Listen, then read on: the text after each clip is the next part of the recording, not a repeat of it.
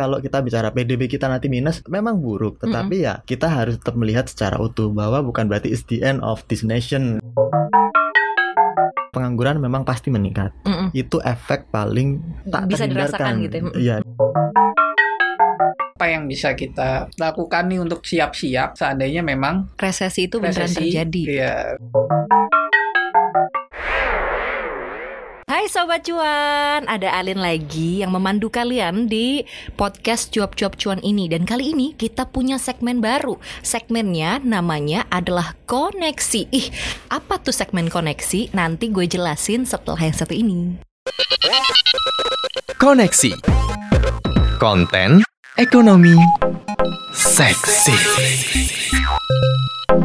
Nah itu tadi ya Sobat Cuan udah denger sendiri Koneksi itu kepanjangan dari konten ekonomi seksi Ya, Udah denger ya tadi eh, bumpernya Apa sih konten ekonomi seksi itu? Nah sebelum gue jelasin gue kenalin dulu nih Sobat Cuan Hari ini gue nggak sendiri Tapi bertiga kali ini hmm, Keroyokan kita ya Nah di sini gue sudah bersama dengan lead research iya. Mas Argun Dan juga lead coverage Peliputan ya kan?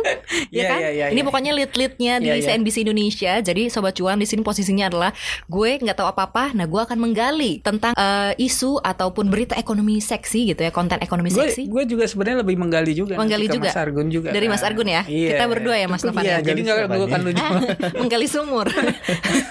Nanti kita berdua yang akan gali Mas Argun lah Ah, ah. ceritanya gitu. gitu. Nah, kan Mas Argun, ini kan kalau kita ngomongin tentang konten ekonomi seksi gitu ya. Apa sih berita ekonomi atau isu ekonomi yang lagi seksi atau lagi hot banget diomongin belakangan ini? Oke, yang lagi rame banget, yang Mm-mm. orang-orang lagi perhatikan itu ya karena Singapura nih. Singapura ada khawatiran mereka katanya sudah resesi. Mm-mm. Hmm. Jadi pertumbuhan ekonominya pada kuartal 2 itu di level 0,3 persen minus. Minus. Minus. Jadi nggak ada pertumbuhan, minus dia, Mm-mm. menurun. Nah ini melanjutkan tren di kuartal 1 Mm-mm. sebesar 12,6 persen. Nah inilah yang menjadi khawatiran ketika ada koreksi pertumbuhan ekonomi minus Mm-mm. tadi dua Mm-mm. kuartal berturut-turut maka ini secara teknikal namanya udah Masuk mengalami resesi ya. resesi Hmm. Res- ekonomi. teknik resesi teh secara teknikal Iya. gitu ya. Iya. Maks- jadi kalau dua kuartal nih berturut-turut negatif Mhm. berarti Itu eh, sudah resesi. secara teknikal bisa Secara disebut resesi. Mm. resesi. Mm-mm. Ya, nah ke- eh, kenapa ada embel-embelnya Mm-mm. teknikal? Karena kan kalau Mm-mm. kemudian kita bicara efek ekonomi terhadap sektor real lah, Mm-mm. ini apa namanya eh, tekanan ekonomi ini, kita kan nggak bisa ngeliat angkanya aja. Mm-mm. Kayak misalnya di di tahun 98 itu kan orang bilang, oh kita udah resesi karena udah koreksinya lebih dari 20, 10% ini apa pertumbuhan ekonominya. Mm-mm. Eh, kalau teknikal itu tadi dianggap sudah mulai berbahaya karena udah minus dua kali gitu. Tapi kalau kita bicara secara secara umumnya ya, Mm-mm. sejauh mana nanti efeknya terhadap pertumbuhan ekonomi? Kita ngeliat dari kemiskinan, dari pengangguran, nah itu nanti resesi yang lebih umum gitu. Itu ibaratnya lebih nyatanya kelihatannya di situ gitu ya Mas ya. Kalau sekarang eh, Oh, resesi oke. teknikal itu adalah eh, angka aja gitu. Bisa kita lihat sebagai karena angkanya. kan ada asumsi bahwa setiap pertumbuhan ekonomi Mm-mm. satu persen menghasilkan sekian juta lapangan kerja. Mm-mm. Sebaliknya ketika koreksi sekian persen juga ada pengurangannya berapa pengurangannya gitu ya. Oh, pengurangan pekerja dan penambahan angka kemiskinan Betul. Kira-kira gitu ya Mas Mm. Argun ya. Ya. Kalau misalnya nih kan di Singapura nih kita tahu dia sudah ya. Singapura aja Mm-mm. negara yang paling kuat gitulah. Kalau misalnya sebenarnya apa sih yang kita tahu sama-sama nih pandemi nih gitu kan segala sesuatunya lesu lah segala macam. Tapi kalau Mas Argun lihat nih dari Singapura tuh apanya yang bermasalah nih? Maksudnya karena kan kalau di Indonesia kita kuatnya di konsumsinya kan. penunjangnya adalah konsumsi gitu ya. Ya. Sektor Hmm. konsumsi itu jadi penunjang pertumbuhan ekonomi yang cukup besar kalau di Indonesia. Iya. gitu. Nah, kalau di Singapura Singapura Kalau Indonesia itu kan tadi kita masyarakatnya besar 260 juta penduduk. Mm-mm. Makanya konsumsi masyarakat itu menyumbang 53 54 persen naik Mm-mm. turun gitu dari produk domestik bruto. Jadi semakin rajin Alin dan kawan-kawan ini Belanja. semakin tinggi pertumbuhan ekonomi kita gitu. nah, di Singapura kondisinya berbeda. Kalau di Singapura itu mereka justru 70% dari produk domestik brutonya Mm-mm. itu disumbang oleh sektor jasa. Hmm. Jadi konsumsi juga ada, tapi Mm-mm. kalau dari sisi sektor yaitu jasa yang lebih dominan. Dan sialnya lagi kalau pandemi seperti sekarang ini kan efeknya ada Iya. lockdown. Mm-mm. di rumah aja ya. Rumah aja. Mm-mm. Nah, ketika terjadi lockdown, sektor Jasanya manufaktur tertekan, Mm-mm. jasanya tertekan. Nah, ini yang berbeda dari krisis 98 misalnya. Mm-mm. Dulu tahun 98 di Indonesia itu kan UMKM masih strong. Iya. Jadi ada istilah UMKM tahan krisis gitu. Mm-mm. Karena apa? Karena dulu UMKM yang bergerak di sektor manufaktur yang Mm-mm. terpukul oleh krisis 98 itu itu cuma 2%. 98% itu masih di sektor jasa. Uh-uh. Jadi jadi mereka tidak tidak terkena efek buruk dari krisis. Nah, sekarang krisis pandemi ini di 2020 Mm-mm. yang dipukul dua-duanya manufaktur kena, Iya. jasanya Jasa juga, juga kena. kena. Makanya negara maju pada tepar. Mm-mm. Tadi kita sempat bahas Jerman, Prancis, Italia, Inggris itu udah Mm-mm. pada resesi. Udah Sekarang duluan. Singapura juga mulai resesi karena itu sektor ja- jasa di di negara maju itu memang dominan di pertumbuhan eh, Hmm. ekonominya, kontribusinya gede. Apalagi kalau Singapura nih hubnya ya bisa dibilang. Mm-mm. hubnya di kawasan Asia Pasifik lah salah satunya makanya Mm, jasanya mm, paling paling kena ngaruh ke kinerja mungkin ekspor impornya mereka juga ke ini ya mas ya Terpukul sekali ekspor impor. Karena ketika eh, pandemi Covid semua berhenti ya. Iya. Bisa dibilang gitu ya, hampir semua berhenti produksi, kemudian transportasi kan, pengiriman logistiknya juga, apalagi jasa gitu. Di di rumah aja. Jasa ini antar makanan sih tetap kayaknya. yang bikin sebenarnya gini, yang- banyak. yang, bikin kalau menurut gue ya kalau yang bikin kalau misalnya kita bilang ini seksi nih gitu Mm-mm. kalau gue ngelihatnya kayaknya gimana nih Indonesia gitu kan maksud maksudnya kalau dengan negara yang kayak Singapura aja yang ekonominya udah Kuat maju, gitu ibaratnya. kuat gitu ya apalagi dari sektor jasanya meskipun nggak banyak nggak terlalu banyak manufakturnya mereka kan Mm-mm. itu aja kenanya lumayan dalam ya Mm-mm. bahkan lebih apa namanya lebih dalam dari proyeksinya analis-analis nah gimana nih seberapa kira bisa nggak nih dijadiin Acuan kayak gitu ya. kayak acuan atau bayangan lah proyeksi gitu ke depan nih kayaknya. Indonesia kayak bakalan kayak kayak gimana kalau kita kalau gue denger ya kalau misalnya berita-beritanya yang yang ada kan misalnya Menq masih masih optimis, lah Optimis. meskipun negatif Mm-mm. kayaknya negatifnya di bawah satu gitu kan seperti itu gitu kan kalaupun negatif di bawah satu nanti kuartal 3 mungkin lebih ini Singapura aja lumayan dalam gitu kira-kira proyeksinya nih Mas Argun Iya, kalau proyeksi Indonesia itu kalau kita lihat dari eh, eh, apa namanya lembaga asing dulu lah, Mm-mm. tentang asing CSIS itu memperkirakan calon eh, korban dalam tanda kutip ya resesi selanjutnya ya ada Malaysia, Mm-mm. ada Singapura, eh, Thailand Mm-mm. dan Indonesia. Jadi Hmm. empat negara ini yang diperkirakan akan mengalami resesi Mm-mm. pada tahun ini. Eh, pertumbuhan ekonomi minus kedua kuartal berturut-turut. Eh, Bu Sri Mulyani memperkirakan nanti kuartal 2 kan kita minus 3,1 sampai 5 persen itu perkiraan kuartal 2. Nah kalau kita mau dibilang resesi ya berarti kuartal 2 minus, kuartal 3-nya nanti harus minus lagi. Hmm. Nah yang jadi pertanyaan sekarang, oke kalau kuartal 2 tidak ada pertanyaan. Saya Pasti sendiri minus. yakin Iya. pasti Mm-mm. minus gitu. Kalau positif justru saya akan Dari protes mana pada ya kok bisa Angkanya. gitu ini pinter banget nih ngubah-ngubah angkanya gitu Sulap ya. Nah, karena secara real memang semuanya tertekan gitu Mm-mm. jadi minus wajar kuartal 2 nah tapi pertanyaannya adalah kuartal 3 Mm-mm. apakah minus lagi atau bisa Ternyata agak naik gitu Agak ya, naik karena kan gitu. sudah new normal dan semua pelan-pelan juga sudah berjalan gitu Hmm. kan. itu dia nah makanya saya untuk kuartal 3 saya belum berani memperkirakan Nah, Mm-mm. makanya Bu Sri Mulyani juga eh, tadi di, di berita di CNBC sempat menyebutkan Mm-mm. bahwa ya memang ada peluang resesi tapi ya kita berharap kondisinya membaik pada kuartal 3 dan Hmm. saya pikir itu stance yang wise lah untuk Mm-mm. untuk untuk dilihat saat ini Tidak over PD gitu ya, tapi Ya. masih punya optimisme sedikit Betul. gitu. Jadi kita ya, ya harus dibumbui ada optimismenya juga Mm, harus, ada lah. gitu. Gitu. ya kan. ya Tapi kalau misalnya ngelihat nih eh apa namanya? Kuartal 2 dan kuartal 3 gitu. Misalnya kita di udah diproyeksi jelas-jelas ya mungkin negatif gitu kan Hmm. krisis. Bounce back-nya apakah akan langsung di kuartal 4 atau justru ke bawah mungkin ya nanti-nanti deh kayaknya belum Tahun kuartal, depan iya gitu artinya kuartal 4 kalau kita ekspektasi mungkin masih ada negatif berarti kan hat trick tuh tiga kali Mm-mm. tiga kali negatif kalau istilahnya gitu kan ya amit-amit ya Tapi sebenarnya mungkin yang pertanyaan Hmm. yang mungkin eh, sobat cuan mau mau tahu juga gitu. Seberapa sih ngaruhnya ke gua gitu? Maksudnya Mm-mm. ke ke orang-orang maksudnya dalam aktivitas mereka, dalam pekerjaan mereka apakah otomatis mereka bakalan dalam tanda kutip juga hidupnya jadi lebih susah secara ekonomi lebih susah, gitu kan. Secara ekonomi, Heeh. kemampuan belinya atau gimana gambarannya kayak gimana sih Mas Argun? Eh, jadi kita harus memahami ini konsep pertumbuhan ekonomi atau produk domestik bruto Mm-mm. gitu. Itu apa sih? Kenapa itu dianggap sebagai ukuran dari sebuah perekonomian? Gitu. Nah, kita itu eh, ekonom teori teori ekonomi modern itu Mm-mm. memper- menghitung pertumbuhan ekonomi berdasarkan barang-barang yang diproduksi Oke. dan jasa yang diproduksi dari Mm-mm. sebuah negara dalam Mm-mm. satu kurun waktu, kuartal dan tahun. Nah, yang dihitung itu ternyata nggak semuanya gitu. Hmm, Hanya sektor formal oke, yang terdaftar gitu maksudnya. yang berarti? bisa diukur, yang Oke, bisa terdaftar. Hmm. Jadi kalau bicara soal sektor informal yang di luar PD Uh-uh. perhitungan PDB itu masih banyak di Indonesia. Oh. Oh, dan itu itu kuat ya, cukup kuat ya kalau di Iya. Indonesia kalau kita lihat ya. Maksudnya ekonomi-ekonomi yang sebenarnya informal sebenarnya Informal. masih masih besar gitu ya. Besar. Masih bergerak gitu. Dan kita terlibat di dalamnya tapi nggak nyadar bahwa itu belum tercatat sebagai PDB sebagai Hmm. ekonomi Indonesia. Kayak Apa? pungutan-pungutan informal itu juga termasuk itu pasti. itu termasuk menggerakkan ekonomi juga gitu secara meski Kalian kan suka kan. belanja online, Ah, ah, ah. e-commerce gitu, atau apa COD person di Iya, Instagram iya. maksudnya. Mm-mm. Itu belum tercatat di PDB. Oke. Hmm, Jadi dan itu berapa besar banget. triliun dana yang berputar masyarakat untuk beli barang itu itu belum dicatatkan karena pemerintah Hmm. tidak memiliki akses ke sana.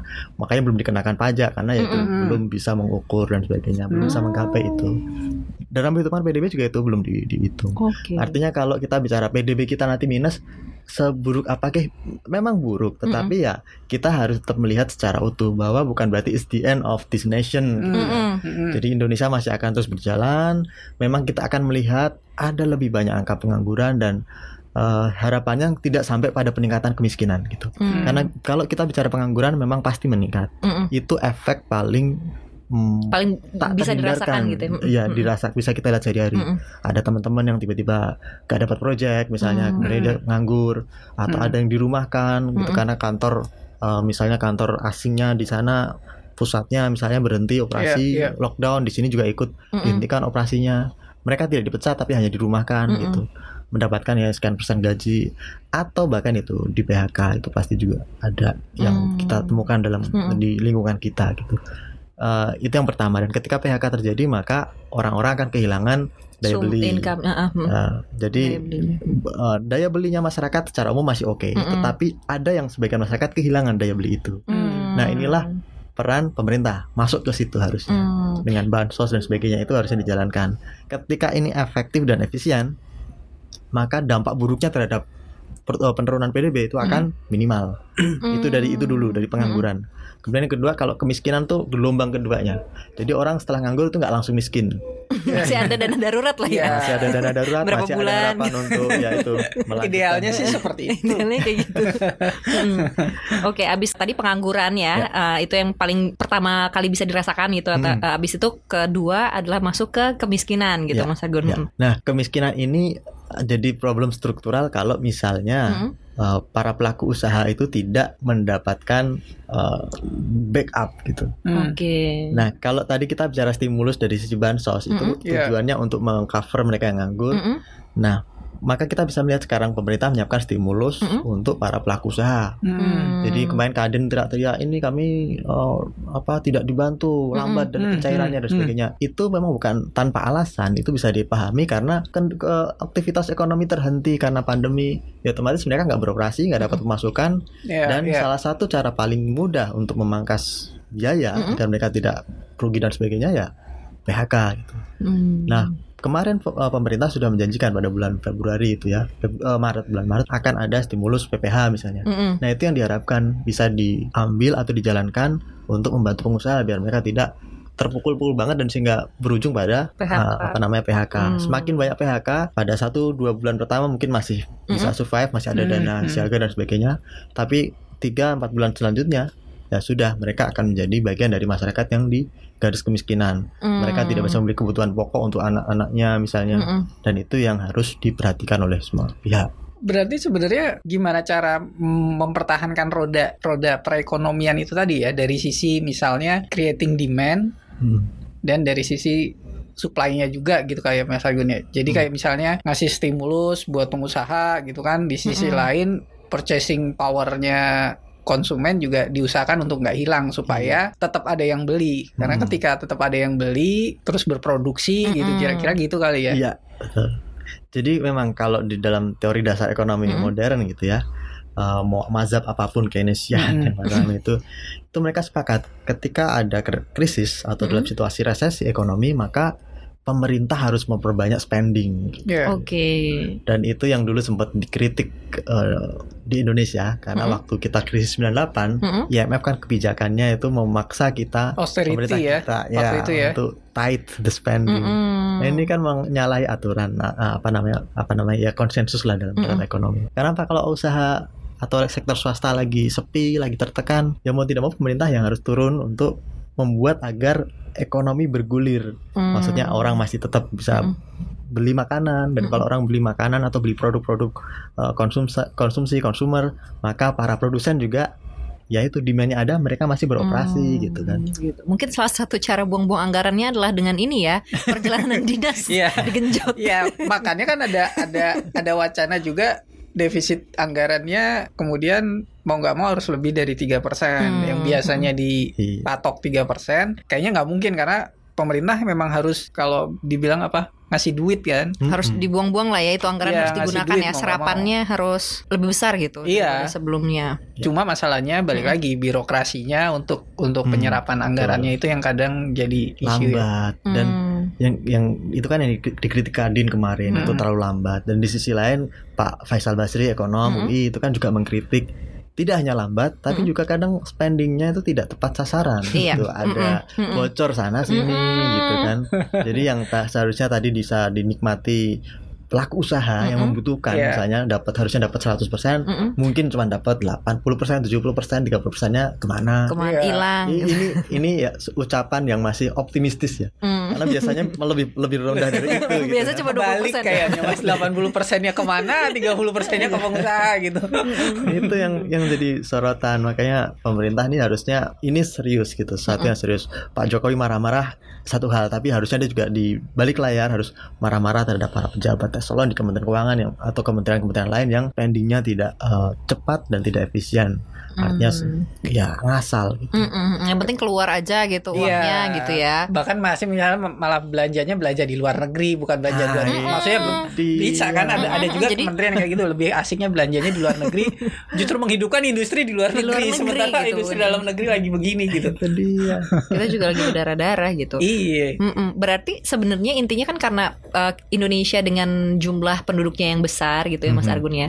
Mhm. Mungkin bisa dikatakan bahwa kalau konsumsi baik itu kita secara pribadi atau konsumsi pemerintah gitu ya, memang harus digenjot banget gitu untuk supaya kuartal keempatnya nanti Keempat. ya kuartal tiga kuartal empat, empatnya mm-mm, kita nggak minus lagi gitu karena kan kita masih punya apa uh, Iya. optimisme itu gitu ya iya iya tapi kalau misalnya untuk kita pribadi nih, ini kan udah dikasih tak lihat eh, tahu Hmm. ya tadi sama Mas Argun gambaran besarnya ini gimana dampaknya ke apa PHK, kemudian jadinya ke kemiskinan. That's why pemerintah harus spending. Ibaratnya pemerintah harus nyebarin tuh duit-duitnya Iya. gitu Hmm. supaya bergerak nih ekonomi-ekonomi yang di daerah, Hmm. yang di kota gitu ya.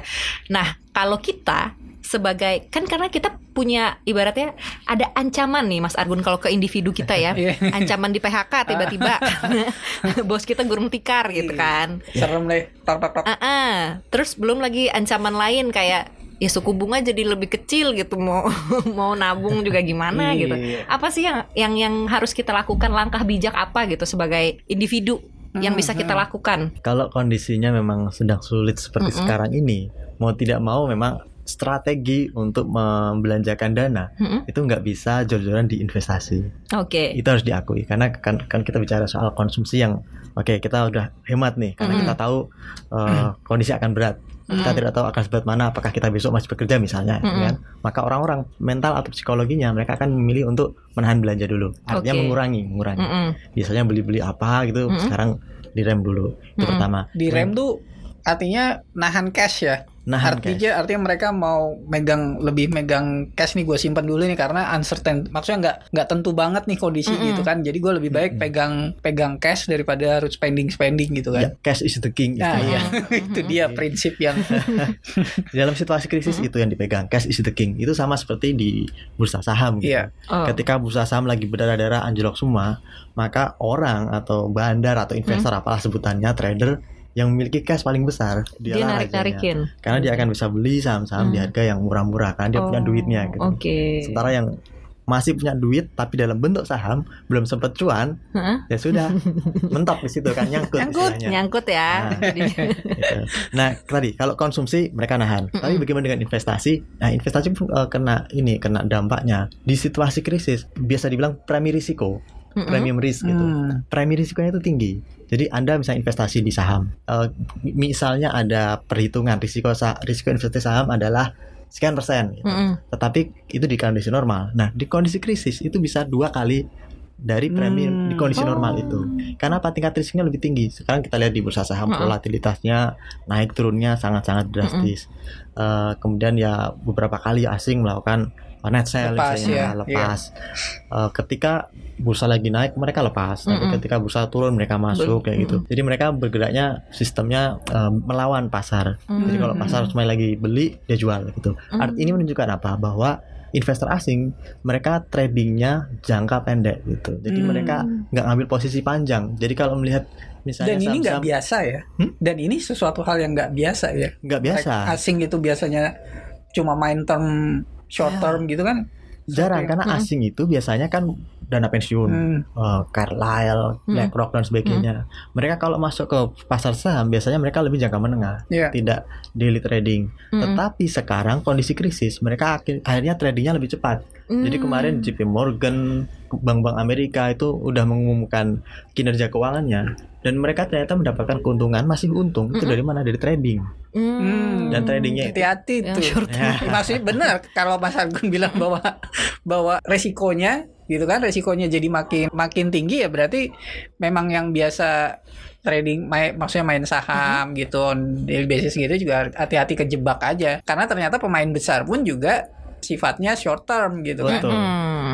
Hati-hati banget juga gitu ya mereka berinvestasi gitu. Dan iya pokoknya nge-keep, iya benar uh, cash lah, ngekip Iya. dana liquid Nah, gitu. kalau misalnya kondisinya Anda memiliki cash yang ter apa ya ya limitnya eh, terbatas Mm-mm. gitu. Mhm. Ya memang sekarang mungkin ada baiknya investasinya jangan yang high risk dulu. gitu. Oke. Eh, kalau mau yang aman sekali ya pilih aman yang safe haven. Mm. Ya kita tahu safe haven apa? Iya, Dolar iya. Amerika, kemudian emas. Emas. Nah itu kalau mau simpan di situ Mm-mm. karena kalaupun krisis terjadi nilai emas tidak akan jatuh, justru nilai emas akan semakin meningkat. Mm-mm. Kan dia posisinya safe, safe haven, jadi Mm-mm. dianggap paling aman. soalnya Dalam ada juga simpanan yang orang makin lari ke boros situ. ya. Kenapa? ada juga simpanan yang sifatnya makin boros Dan mas-mas ya. Iya, itu simpanan yang bikin pengeluaran makin tinggi malah. Bingung kan lu? Oh, Ya, simpanan, simpanan ini tuh biasanya cuan gitu iya, ya. Tapi si- ini simpanan malah tuh kan biasanya Hmm, buat ngirit gitu itu, kan. hati-hati. simpanan-simpanan yang eh, kayak gitu sifatnya boleh di let go aja sih sebetulnya. Diikhlaskan aja. Dilepas aja ya. Eh, eh, Di kalau kondisi sekarang ya. kondisi sekarang. Tapi harus perhatikan risikonya. Iya. Risikonya nanti bisa ke mana-mana. sebanding. Mm. Jadi berarti kan eh, negara tetangga kita Singapura sudah fix resesi ya, Betul. Mas ya secara teknikal. Kemudian juga yang udah duluan tuh tadi ada eh, Prancis, Prancis, Jerman, Jerman. Jerman, Itali. Itali, Inggris Hong yang Kong. baru kemarin ya, baru Iya, beberapa iya. hari lalu kalau Inggris gitu.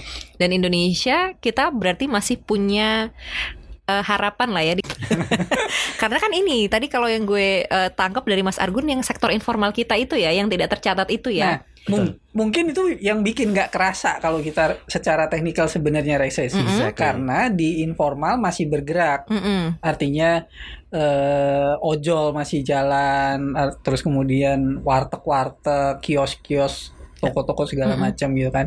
Cuma kalau dari yang gue pikir adalah gimana nih sementara kita sebagai konsumen secara individu kita mencoba untuk ngerem ngerem kan karena Mm-mm. kasarannya gini gimana kita nggak ngerem kita nggak ngelihat pemerintah juga spending Maksudnya pemerintah aja nggak spending gitu gimana gue mau karena kan kalau mau nggak mau gue juga harus ngelihat juga gimana ekonominya udah udah bergeraknya sejauh apa segala macam gitu kan untuk untuk bisa eh, meyakinkan gua gua bahwa oh kalau gua spending aman nih Mm-mm. Mm-mm. karena dalam tiga bulan ke depan kayaknya kita juga masih harus Tahan-tahan. iya tahan-tahan kalau secara personal sih gue bilang tahan-tahan dulu deh yang nggak penting nggak usah gitu Ya. kan Mm-mm. iya kan yang Mm. kayak kayak gitu bahkan ya kecuali ya lanjut lanjutin kewajiban kewajiban gitu kan di luar luar kewajiban kayak kayak gitu Bayar cicilan gitu nah tetap. itu tetap iya survival dulu kalau Nah. kondisinya itu emang pentingnya sebenarnya tapi emang ngomongin begini kan jadi kalau investasi tadi kan Mas Argun udah jelasin tuh investasinya yang sifatnya Yang- uh, uh, ya otomatis ada peningkatan risiko di Mm-mm. investasi segala macam gitu kan nabung ya gue pegang uang cash juga gue tabung di bank juga nggak seberapa sebenarnya Mm-mm. Bunganya lagi turun penyesuaian suku bunga. kita kan tetap biasa mindset investasi gitu kan Mm-mm. ya kan taruh di safe haven juga ya emang kalau dilihat sih emas lumayan ya Tapi emas juga lagi tinggi ya harganya ya. Ya Jadi kalau masuk sekarang biasanya sih kan, ketinggi- eh, biasanya kan kita kalau mau beli emas oh tunggu turun dulu gitu. Nah sekarang nggak Kalau ya, gitu deh. dari dua bulan lalu mungkin emang udah kelihatan sih ya. Mm-mm. Maksudnya Ya. trennya harga emas. Nah terus kali selain itu mesti ngapain lagi nih kira-kira? Apa yang bisa kita lakukan nih untuk siap-siap seandainya memang Resesi itu resesi terjadi. ya in crisis mode bakal separah 98 nggak sih? Karena kalau gua rasa sih nggak terlalu ya karena hmm, pastinya sih enggak nggak ya. Enggak ya? karena kalau di krisis 98 itu pertama yang terjadi adalah krisis eh, sistem keuangan dulu Iya. Mm-mm. bank-bank pada kolab dan bank ini kan semacam apa namanya kayak kayak nadinya dia kan duit-duit ada di situ Mm-mm. Fundamental ya. di sini hancur ya udah dan darah nggak bergerak ibaratnya di Mm-mm. tubuh nggak ada oksigen yang mengalir ya sudah Mm-mm. ke mana-mana Lumpuh lah ya jadinya. maka ya ada sektor real juga terganggu Mm. masyarakat juga kemudian ada krisis eh, sosial multidimensial iya. krisis politik, Politik. gitu. sekarang kondisinya berbeda ke kuncinya adalah yaitu vaksin dan obat Oke. kalau itu sudah ketemu sudah selesai persoalan kita nggak perlu mikirin apa apa lagi Iya. kita bisa belanja belanji Mm-mm. lagi di e-commerce dan sebagainya nah bicara e-commerce tadi Mm-mm. ini sebenarnya bisa jadi solusi ketika pandemi orang-orang itu kan sektor jasa memang tertekan Mm-mm. karena tidak bisa misalnya melakukan aktivitas seperti biasa Mm-mm. belanja seperti biasa Berwisata Kalaupun gitu wisata nggak dan bisa. sebagainya. Yang biasanya batasin. manggil tukang urut juga jadi nggak bisa. Takut gitu. ya. Nah dengan berbagai terobosan di e-commerce, ya, teleconference dan tele-tele Hmm. apa ini, ini sebenarnya juga jadi solusi bahwa simpul-simpul yang terganggu di masa pandemi itu diharapkan bisa sedikit terurai. Terurai. Mm. Jadi aktivitas ekonomi masih bisa berjalan, eh, antar perusahaan masih bisa melakukan order gitu kan, Mm-mm. tanpa harus oh, site visit misalnya, Mm-mm. eh, tanpa harus ketemu. Dan harapannya kalau ini bisa berjalan secara luas, maka efek dari pandemi ini terhadap eh, ekonomi kita akan lebih terbatas. Hmm. Jadi harapannya di situ. Kalau Mm-mm. kita bicara soal sesuatu yang beyond government control gitu, Mm-mm. ya di situ. Hmm. Jadi harapannya sektor jasa agak ter- tertolong eh, masih bisa beroperasi UMKM UMKM pun masih bisa jualan misalnya Mm. masih bisa me- apa namanya mengirim barang ke konsumen atau menggawe konsumen tanpa ya kehilangan akses karena pandemi ini Mm-mm. gitu. Dan kalau itu terjadi ya efeknya besar karena UMKM itu di Indonesia membuka lapangan pekerjaan kira-kira 90 sampai 92 persen. Iya sih. Hmm. Jadi hanya yang Iya. kantor-kantor korporasi besar itu cuman di 10-an persen dari jumlah tenaga kerja di Iya. Indonesia. Hmm. Tapi UMKM ini besar sekali Mm-mm. gitu. Makanya kalau UMKM-nya selamat, kita ya bisa ya. insya Nah. Bisa. Itu tadi kita udah ngomongin ya misalnya suntikan stimulusnya ke perusahaan, artinya ke industri-industri, ke UMKM sebenarnya eh, untuk ngejaga ngejaga mereka karena Tetap dibilang hidup bahwa gitu ya, iya mereka tetap tetap tetap hidup itu stimulusnya sebenarnya yang udah di yang sudah ditawarkan pemerintah juga ada sebenarnya tapi sebe- akan seberapa kerasa Efektif sih buat gitu. Hmm. Sejauh ini pemerintah sudah memberikan itu eh, apa namanya eh, bantuan Mm-mm. ke bank-bank yang melakukan restrukturisasi kredit. BRI Mm. misalnya terbesar gitu. Eh, kemarin berapa sekitar 600-an triliun kalau tidak salah Mm-mm. BRI sudah merestrukturisasi kredit UMKM. Dan ini ya memang bantuan jangka pendek yang saya pikir efektif gitu. Hmm. Kenapa? Mm-mm. Bayangin aja kalau UMKM nggak bisa jualan, sementara tagihan datang terus dari Tetap bank, ada. Hmm. Hmm. ya mau nggak mau mereka akan apalagi yang mau bisa dijual Iya, untuk iya, bayar kewajiban itu. Mm, mm, mm. Makanya harus dibantu agar mereka setidaknya cash flow-nya untuk menjalankan operasi terjaga, eh, kemudian karyawannya nggak nggak di PHK apa namanya dengan massal misalnya, kalaupun dikurangi ya satu dua karena kewajiban untuk ke bank itu ditunda dulu. Hmm. Nah itu yang ditalangi pemerintah. Itu jangka pendeknya di situ. Dan jangka panjangnya harusnya ke- eh, kementerian yang di sektor teknis, Kementerian UMKM bekerja sama dengan Kementerian Menkominfo misalnya, Hmm. Mm-mm. yaitu membantu mereka untuk masuk ke ranah digital. Jadi Oke, digitalisasi, digitalisasi. UMKM ini harusnya berjalan gitu. Hmm.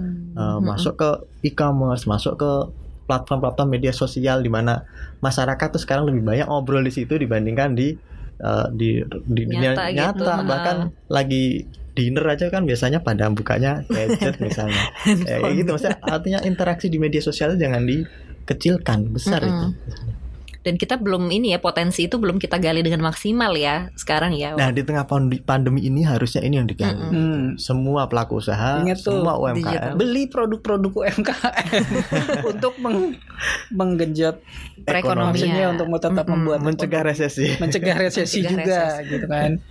Jadi itu kalau yang paling bisa kita lakukan saat ini Iya sih. paling Tapi memang di saat-saat pandemi kemarin-kemarin kan juga kita lihat juga wah banyak nih yang jualan-jualan baru segala Mm-mm. macam terus ini gitu kan. Ya sebisa mungkin sih helping Dibeli. iya dibeli gitu. Jadi kalau temen lo kalau- cuan posting di IG Iya, gitu paling ya. enggak belilah punya Belilah. teman lu yang lu kenal gitu kan. yang Kalau di- dia punya ya, ya gitu. setuju gitu. dan sekarang kan emang banyak yang belanja lewat Hmm. itu kan mereka maksudnya nggak berani belanja di di gerai-gerai apa tuh maksudnya yang yang besar-besar. retail retail ya. dan mereka lebih milih dari online Mm-mm. gitu Walaupun itu tidak akan tercatat di pertumbuhan ekonomi kita ya. iya Tapi Ya, setidaknya tidak mungkin kita ketahanan akan menghadapi resesi teknikal tapi resesi yang dalam di realnya gitu. realnya itu mungkin Enggak. akan minimal gitu. Mm-mm. jadi, Jadi, masih bergulir harapannya ke sana Iya sih, karena karena benar kalau gue bilang hmm, apa namanya kalau Mas Argun tadi bilang kan bahwa bedanya resesi di 98 dan sekarang. Mm-mm. Kalau sekarang tuh sebenarnya lebih kepada adanya pembatasan, adanya orang nggak Karena boleh tersendat aktivitasnya interaksi gitu. kan, lebih Iya. kepada aktivitasnya yang sangat-sangat di di rem. Mm-mm. Tapi sementara sebenarnya sistemnya oke gitu kan. sistemnya Iya. oke Artinya sistemnya oke karena orang-orangnya aja si konsumen-konsumennya ini aja yang kemudian Mm-mm. nggak harus boleh Iya. dalam tanda kutip Ah, untuk ah. melakukan aktivitas biasa berbelanja tidak sebebas biasa gitu ya. Kalau dulu kan emang kolaps ya gitu kan Iya. ibaratnya Iya. lagi chaos gitu kan. Kalau Ibaratnya sekarang dulu, enggak. dulu mobilnya mogok gitu kan. Kalau sekarang orangnya yang pada ini pada diikat di Nggak boleh keluar kursinya rumah. gitu nggak Iya, bisa nggak bisa nyetir gitu. bukan bukan salah di sistemnya gitu tapi Iya. kalau misalnya kalau ngeliat eh, apa sih yang bisa di dia ambil pelajarannya dengan sistem ekonomi ke depannya bakalan berubah nggak sih? Maksudnya apakah ke depannya juga ekonomi kita tuh bakalan mikirin kalau menurut gua dulu dulu yang kayak kayak gini nggak kepikiran loh. Hmm. Artinya iya artinya ketahanan ekonomi ya dilihat tapi nggak melihat bahwa kesehatan itu ketika ada masalah isu kesehatan itu dan besar gini kan Dampaknya tuh Itu bisa ke ekonomi banget. gitu ternyata ya. Iya. Mm-mm. mungkin ke depan juga ada awareness lah kalau memang harusnya udah mulai membangun awareness bahwa kesehatan tuh part of kehidupan ekonomi juga Mm-mm. gitu. Mm-mm. Betul. Mm-mm. Nah, makanya ada ada ini beberapa kalangan yang menilai bahwa pandemi ini itu sebenarnya bagian ya blessing in disguise untuk Mm-mm. mempercepat revolusi eh, industri Teknologi 4.0. 4.0. Mm-mm. Jadi bahkan nih kalau kemarin kan kita sempat dengar berita dari WHO bahwa uang kertas itu tuh sarana penularan juga gitu. Karena virusnya itu bisa bertahan di Ber- ber- kertas selama beberapa hari Mm-mm. gitu. Jadi Kalau bakar deh tuh duitnya. ada berapa ribu kertas Mm-mm. eh, yang dipegang ribuan orang, Mm-mm. ada virus satu aja udah nyebar ke mana-mana Iya. gitu. Nah, dengan adanya ya transaksi online, Mm-mm. e-commerce itu mem- meminimalisir hal-hal seperti itu. Mm-mm. Iya. Dan digitalisasi di industri, eh, kemudian artificial intelligence di pabrik itu mengurangi interaksi-interaksi dan sebagainya. Itu yang harusnya memang apa ya? Pandemi ini akan mengarahkan kita, memaksa kita untuk ke Mm-mm. sana. Jadi kalau ngomongin perbankan itu di bulan Mei Mm-mm. ada ada lembaga ini lembaga riset tuh Mm-mm. di Amerika namanya Bankography. Mm-mm. Nah, dia meneliti di Amerika Serikat itu eh, lakukan survei dan sebagainya, penelitian. Hasilnya adalah bahwa masyarakat Amerika Serikat itu ada mau tidak mau dipaksa untuk pakai platform online di perbankan layanan keuangan. Hmm. Jadi kalau sebelumnya yang memakai platform online ini kebanyakan milenial, Mm-mm. maka teman mereka baby boomers akhirnya juga mau nggak mau itu gitu Mm-mm. mau tidak mau jadi nggak ada lagi alasan ketuaan atau gimana Nggak ngerti, nggak bisa ngerti, gitu itu ya. alasan lagi jadi Semuanya akselerasi dipaksa untuk digital migrasi ke digital Iya benar sih. Iya sih itu blessing in disguise. Jadi kayak kalau misalnya kita dulu kepikiran ah mungkin kita baru bisa kayak gitu tuh lima tahun lagi Hmm. gitu ya. Iya benar. Gue aja dulu kapan ya waktu itu dua tahun lalu lah agak-agak dia agak sedikit-sedikit pengakuan dosa juga sih gue. Maksudnya bikin- jadi ngeliat gini. Pernah waktu itu kan liputan ya.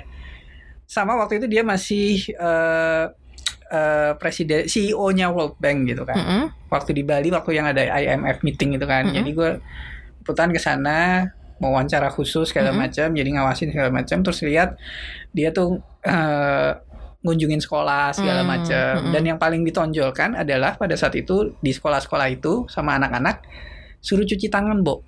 Oke. Pada saat itu gue nggak Itu tahun kepikiran. berapa sorry tadi? Tahun- Dua tahun lalu. Dua tahun lalu ya. IMF meeting yang di Bali itu kan Mm-mm. 2000 Anual. berapa ya 2017 atau 2018 gitu. Nah, di situ cuci tangan gitu kan anak-anak kecil, anak-anak SD suruh banget cuci tangan, terus si presidennya Bank Dunia ini ngeliat cuci tangan gitu kan. Gue sih dalam arti bukannya apa-apa ya gitu. Buat apa sih gitu gitu? ya. Lu nganggep nggak penting gitu ya? Exactly. Maksudnya gue pikir karena gue ngelip maksudnya asumsinya orang Indonesia ini sakti-sakti bakteri itu udah ya. kalah kita makan gorengan pinggir jalan nggak aman gitu kan iya cuci tangannya yang bener standar WHO cuy maksudnya Hmm, yang yang 20 gini detik gitu kan yang harus- ini hmm. mungkin sambil nyanyi katanya happy birthday dua Iya kali dua kali. gitu kan 20 detik tuh happy birthday dua kali katanya. terus cuci tangan gitu kan sampai nggak lu baru gua kepikiran ternyata memang penting banget cuy Mm-mm. maksudnya memang negara-negara besar tuh hal itu meng- gitu. mengedukasi se- sedemikian pentingnya dari hal-hal yang kecil yang mungkin buat kita juga sebenarnya itu hal biasa yang nggak kepikiran ternyata Mm-mm. dampaknya juga sampai ekonomi sekarang sampai Mm-mm. ekonomi bisa Jadi begini uh-uh, dari COVID-19 berujung ke resesi kan Hmm. dan banyak lagi lah ya apa namanya um, kondisi-kondisi perekonomian lain apa seperti apa misalnya gitu. Ya nggak sih? Kan ini kan kalau di koneksi ini kita membahas resesi dan ternyata banyak banget tuh nyambungnya ke Iya. sana ke sini gitu. Sobat cuan yang penting sobat cuan sekarang sudah tercerahkan ya resesi itu apa? Negara-negara mana aja yang sudah eh, kena resesi dampaknya seperti apa dan Indonesia tuh potensi resesinya gimana Tapi gitu kan. tujuannya bukan nakut-nakutin lo ini. bukan ya. aku nakutin tapi membuat sobat cuan tuh siap prepare Gitu, ya, lebih prepare. lah ya. Ha-ha, dan juga well informed lah karena ketika kita nggak tahu apa yang kita hadapi atau apa yang akan kita hadapi maka kita nggak tahu harus berbuat apa Hmm. gitu Benar, benar. Mm-mm, that's why kita eh, merangkum ini di segmen koneksi ini ya Koneksi. semoga juga koneksi antara kita bisa terjalin Semoga ada isu Lanjut. ke depan juga isu-isu dibahas lain yang bisa dibahas lebih lebih seksi. Mas Argun gitu. mungkin ada kayak last words gitu atau uh, ujangan-ujangan terakhir gitu terkait dengan ini resesi ini gitu ancaman resesi di Indonesia. Iya. Jadi kalau kalau kita kan tahu Mike Tyson itu ya. Mm-mm. Mike Tyson kan dianggap petinju leher beton gitu. Mm. Jadi pukulannya dianggap bisa mematikan gitu. Nah sebenarnya yang mematikan dari pukulan Mike Tyson itu psychological attack gitu. Hmm. Jadi sebenarnya kalau diukur gitu orang. pukulan itu sama seperti petinju petinju biasa, Mm-mm. tapi karena udah di apa di imaji di imajinya mereka lawannya gitu. itu gede banget Mm-mm. dan bisa mukul dia maka di otak sudah ada ketakutan dan sebagainya itu yang bikin mereka gampang di TKO Mm. makanya di krisis pun hal seperti itu harus dihindari artinya gini kalau kita sudah cemas duluan dan kecemasan ini dimiliki oleh jutaan orang di Mm-mm. Indonesia kecemasan kolektif gitu. kecemasan kolektif terjadi dan itu bikin krisis yang sebelumnya sebenarnya belum saatnya terjadi Hmm. itu terjadi lebih dulu gitu mempercepat terjadi. mempercepat itu misalnya ya ada ras dan sebagainya itu kan ya memang ini yang sebenarnya terjadi di 98 itu Mm. dulu secara psikologi masyarakat sudah khawatir dan Udah tidak ada ketakutan kepas- duluan. ya tidak ada kepercayaan pada pemerintah Mm-mm. nah itu yang harus dihindari untuk saat ini artinya pertama jangan cemas Mm-mm. dan pemerintah sendiri juga harus kita kawal gitu kalau Mm-mm. terlalu lambat ya kita harus lantang berteriak di medsos untuk mendorong pemerintah untuk bekerja lebih cepat. Mm, gitu. Agar tidak ada resesi. Agar tidak ada resesi. Eh, resesi karena kita masih punya harapan di kuartal keempat. Iya. Sekarang banyak juga yang sedang menunggu resepsi. iya ya resepsi di kala pandemi ya sobat cuan. Semoga lancar-lancar deh kalau yang mau resepsi. Iya. Eh, dan semoga resesi tidak terjadi di Indonesia ya. Oh, ya. gitu. Selamat eh, apa ya siang sore malam pokoknya kita selesai dulu deh sobat cuan terima kasih Mas Argun Sama-sama. terima kasih Mas Novan terima kasih sobat cuan nanti kita kembali lagi di segmen eh, koneksi episode lainnya dah Bye. Bye.